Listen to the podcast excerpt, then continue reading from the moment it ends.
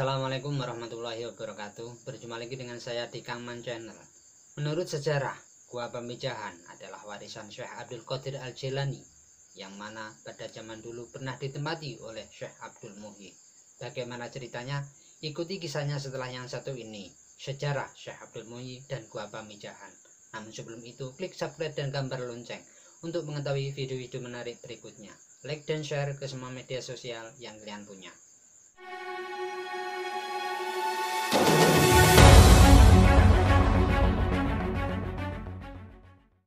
Syekh Haji Abdul Muhyi Beliau lahir di Mataram sekitar tahun 1650 Masehi. Pada saat berusia 19 tahun, beliau pergi ke Aceh untuk berguru kepada Syekh Abdul Rauf bin Abdul Jabbar selama 8 tahun.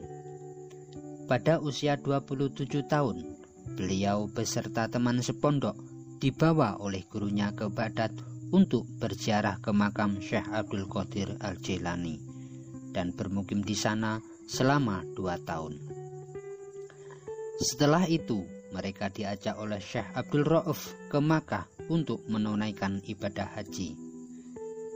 Ketika sampai di Baitullah, Syekh Abdul Rauf mendapat ilham kalau di antara santrinya akan ada yang mendapat pangkat kewalian. Dalam ilham itu dinyatakan Apabila sudah tampak tanda-tanda, maka Syekh Abdul Rauf harus menyuruh santrinya pulang dan mencari gua di Jawa bagian barat untuk bermukim di sana. Suatu saat, ketika waktu asar di Masjidil Haram, tiba-tiba ada cahaya yang langsung menuju Syekh Abdul Muhyi dan hal itu diketahui oleh gurunya. Sebagai tanda-tanda tersebut, setelah kejadian itu, Syekh Abdul Rauf membawa mereka pulang ke Kuala Aceh tahun 1677 Masehi. Sesampainya di Kuala, Syekh Abdul Muhyi disuruh pulang ke Gresik untuk minta restu dari kedua orang tua karena telah diberi tugas oleh gurunya untuk mencari gua dan harus menetap di sana. Sebelum berangkat mencari gua, Syekh Abdul Muhyi dinikahkan oleh orang tuanya dengan Ayu Bakta, putri dari Sembah Dalam Sacaparana. Tak lama setelah pernikahan, beliau bersama istrinya berangkat ke arah barat dan sampailah di daerah yang bernama Dharma Kuningan. Atas permintaan penduduk setempat, Syekh Abdul Muhyi menetap di Dharma Kuningan selama tujuh tahun. Kabar tentang menetapnya Syekh Abdul Muhyi di Darmo Kuningan terdengar oleh orang tuanya, maka mereka menyusul dan ikut menetap di sana. Di samping untuk membina penduduk, beliau juga berusaha untuk mencari gua yang diperintahkan oleh gurunya. Dengan mencoba beberapa kali menanam padi, ternyata gagal karena hasilnya melimpah sedang harapan beliau sesuai isyarat tentang keberadaan gua yang diberikan oleh Syekh Abdul Rauf adalah apabila ditanam itu ditanam padi maka hasilnya tetap sebenih. Artinya tidak menambah penghasilan, maka di sanalah gua itu berada. Karena tidak menemukan gua yang dicari, akhirnya Syekh Abdul Muhi bersama keluarga berpamitan kepada penduduk desa untuk melanjutkan perjalanan mencari gua. Setelah menempuh perjalanan yang cukup panjang, sampailah di daerah Garut Selatan. Di sini beliau bermukim selama satu tahun untuk menyebarkan agama Islam secara hati-hati mengingat penduduk setempat waktu itu masih beragama Hindu. Setahun kemudian, ayahanda Sembah Lebewarta Kusuma meninggal dan dimakamkan di kampung Dukuh di tepi Kali Cikaengan. Beberapa hari setelah pemakaman ayahnya, beliau melanjutkan perjalanan mencari gua dan sempat bermukim di Batuwangi. Perjalanan dilanjutkan dari Batuwangi hingga sampai di Lebak Siu dan bermukim di sana selama empat tahun. Walaupun di Lebak Siu tidak menemukan gua yang dicari, beliau tidak putus asa dan melangkahkan kakinya ke sebelah timur dari Lebak Siu, yaitu di atas gunung Kampung Cilimbu. Akhirnya beliau turun ke lembah sambil bertafakur. Bila senja tiba, beliau kembali ke Lebak Siu menjumpai keluarganya karena jarak dari tempat ini tidak begitu jauh, kurang lebih 6 km. Suasana di pegunungan tersebut sering membawa perasaan tenang, maka gunung tersebut diberi nama Gunung Mujarot, yang berarti gunung untuk menenangkan hati. Pada suatu hari, Syekh Abdul Muhyi melihat padi yang ditanam telah menguning dan waktunya untuk dipetik. Saat dipetik, terpancarlah sinar cahaya kewalian dan terlihatlah kekuasaan Allah. Padi yang telah dipanen tadi ternyata hasilnya tidak lebih dan tidak kurang. Hanya mendapat sebanyak benih yang ditanam. Ini sebagai tanda bahwa perjuangan mencari gua sudah dekat. Untuk meyakinkan adanya gua di dalamnya, maka di tempat itu ditanam padi lagi sambil berdoa kepada Allah semoga gua yang dicari segera ditemukan. Maka dengan kekuasaan Allah, padi yang ditanam segera tumbuh dan waktu itu juga berubah dan menguning. Lalu dipetik dan hasilnya ternyata sama. Sebagaimana hasil panen yang pertama, di sanalah beliau yakin bahwa di dalam gunung itu adanya gua. Sewaktu Syekh Abdul Muji berjalan ke arah timur, terdengarlah suara air terjun dan kicauan burung yang keluar dari dalam lubang. Dilihatnya lubang besar itu, di mana keduanya sama dengan gua yang digambarkan oleh gurunya.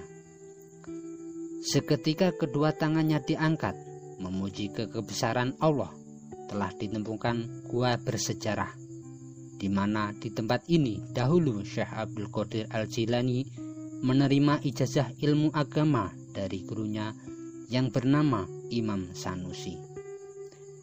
Gua yang sekarang dikenal dengan nama Gua Pamijahan adalah warisan dari Syekh Abdul Qadir Al-Jilani yang hidup kurang lebih 200 tahun sebelum Syekh Abdul Muhyi. Gua ini terletak di antara kaki Gunung Mujarot Sejak gua ditemukan, Syekh Abdul Muhi bersama keluarga beserta santri-santrinya bermukim di sana. Di samping mendidik santrinya dengan ilmu agama, beliau juga menempuh jalan torekot. Menurut pendapat yang masyhur, sampainya Syekh Abdul Muhi ke derajat kewaliannya melalui torekoh Muktabaroh Satariyah yang silsilah keguruan sampai kepada Rasulullah. Sekian lama mendidik santrinya di dalam gua, maka tibalah saatnya untuk menyebarkan agama Islam di perkampungan penduduk. Di dalam perjalanan, sampailah di salah satu perkampungan yang terletak di kaki gunung, bernama Kampung Bojong. Selama bermukim di Bojong, dianugerahi beberapa putra dari istrinya, Ayu Bakta. Di antara putra beliau adalah dalam Bojong, dalam Abdullah, Media Kusuma, Pagi Ibrahim. Beberapa lama setelah menetap di Bojong, atas petunjuk dari Allah, Syekh Abdul Muhi beserta santri-santrinya pindah ke daerah Safarwadi. Di sini beliau membangun masjid dan rumah sebagai tempat tinggal sampai akhir hayatnya sedang para santri menyebar dengan tugasnya masing-masing, yaitu menyebarkan agama Islam, seperti Sembah Khotib Muwahid yang makamnya di Payalahan. Yang Abdul Kohar bermukim di Pandawa, sedang Sembah dalam Sacaparana, mertua Syekh Abdul Muhyi tetap di Bojong sampai akhir hayatnya, yang kini makamnya terkenal dengan nama Bengkok. Makam ini banyak diziarahi oleh kaum muslimin. Masih banyak lagi santrinya yang tersebar hingga pelosok-pelosok kampung di sekitar Jawa Barat untuk menyebarkan agama Islam.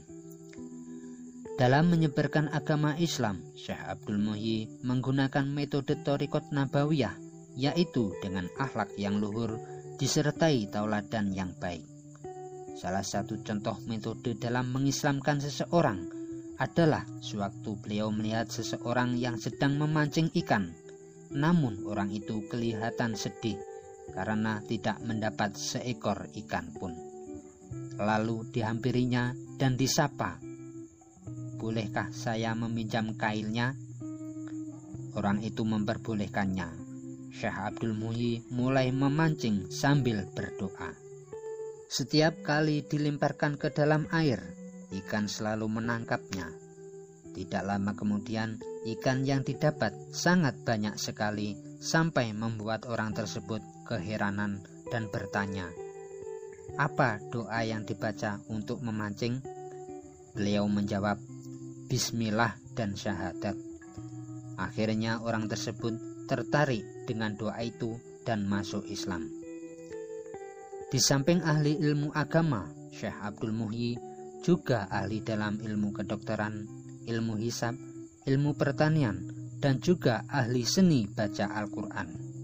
Maka pada saat itu banyak para wali yang datang ke pamijahan untuk berdialog masalah agama seperti Waliwah dari Banten, Syekh Maulana Mansur, putra Sultan Abdul Fattah, Tirtayasa keturunan Sultan Hasanuddin bin Sultan Gunung Jati, juga Syekh Ja'far Sodik yang makamnya di Cibiu, Limbangan, Garut.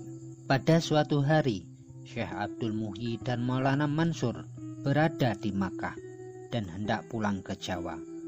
Mereka berdua berunding Barang siapa yang sampai dulu di Jawa, hendaklah menunggu di tempat yang telah disepakati. Syekh Maulana Mansur berjalan di atas bumi dan Syekh Abdul Muhyi berjalan di bawah bumi, masing-masing menggunakan kesaktiannya. Ketika Syekh Abdul Muhyi berjalan di bawah laut, tiba-tiba beliau kedinginan lalu berhenti. Sewaktu hendak menyalakan api untuk merokok, Tiba-tiba sekelilingnya menjadi gelap dikelilingi kabut dan kabut itu semakin tebal. Maka beliau teringat bahwa merokok itu perbuatan makruh dan dirinya merasa berdosa. Akhirnya beliau segera bertobat meminta ampunan dari Allah. Seketika itu kabut hilang dan perjalanan pun dilanjutkan. Dan mulai saat itu Syekh Abdul Muhi meninggalkan rokok. Bahkan bisa dikatakan mengharamkan rokok untuk dirinya sedang untuk keluarga dan pengikutnya dilarang merokok bila terdekatan dengannya. Karena itu sampai saat ini di daerah pamijahan dilarang merokok kecuali di tempat yang telah ditentukan. Pada suatu hari beliau jatuh sakit ketika malaikat maut datang menjemput Syekh Abdul Muhyi berpesan kepada istri dan putra-putranya Wahai anak dan istriku hendaklah kamu sekalian bertakwa kepada Allah berbaktilah kepada orang tua yang telah melahirkan dan membesarkanmu hormati dan muliakan tamumu bicaralah dengan benar senangkanlah orang lain sekalipun kamu tidak dapat menyenangkan orang janganlah berbuat yang menyusahkannya. Kasihanilah orang kecil, hormatilah orang yang besar, dan hargailah sesamamu. Hiduplah di dunia ini seakan mau melintasi jurang yang penuh dengan duri. Pada hari Senin, tanggal 8 Jumadil awal tahun 1151 Hijriah atau 1730 Masehi, Ba'da sholat subuh beliau pergi untuk selamanya menghadap Allah Subhanahu wa taala dalam usia 80 tahun. Jenazah ulama besar ini dimakamkan di Pamijahan. Hingga saat ini banyak orang berduyun-duyun berziarah ke makamnya sambil membacakan doa sebagai wujud kecintaan terhadap Syekh Abdul Muhyi seorang waliwah yang telah berjuang menyebarkan agama Islam di tanah air dan Jawa Barat pada khususnya. Berikut ini silsilah keturunan Syekh Haji Abdul Muhyi.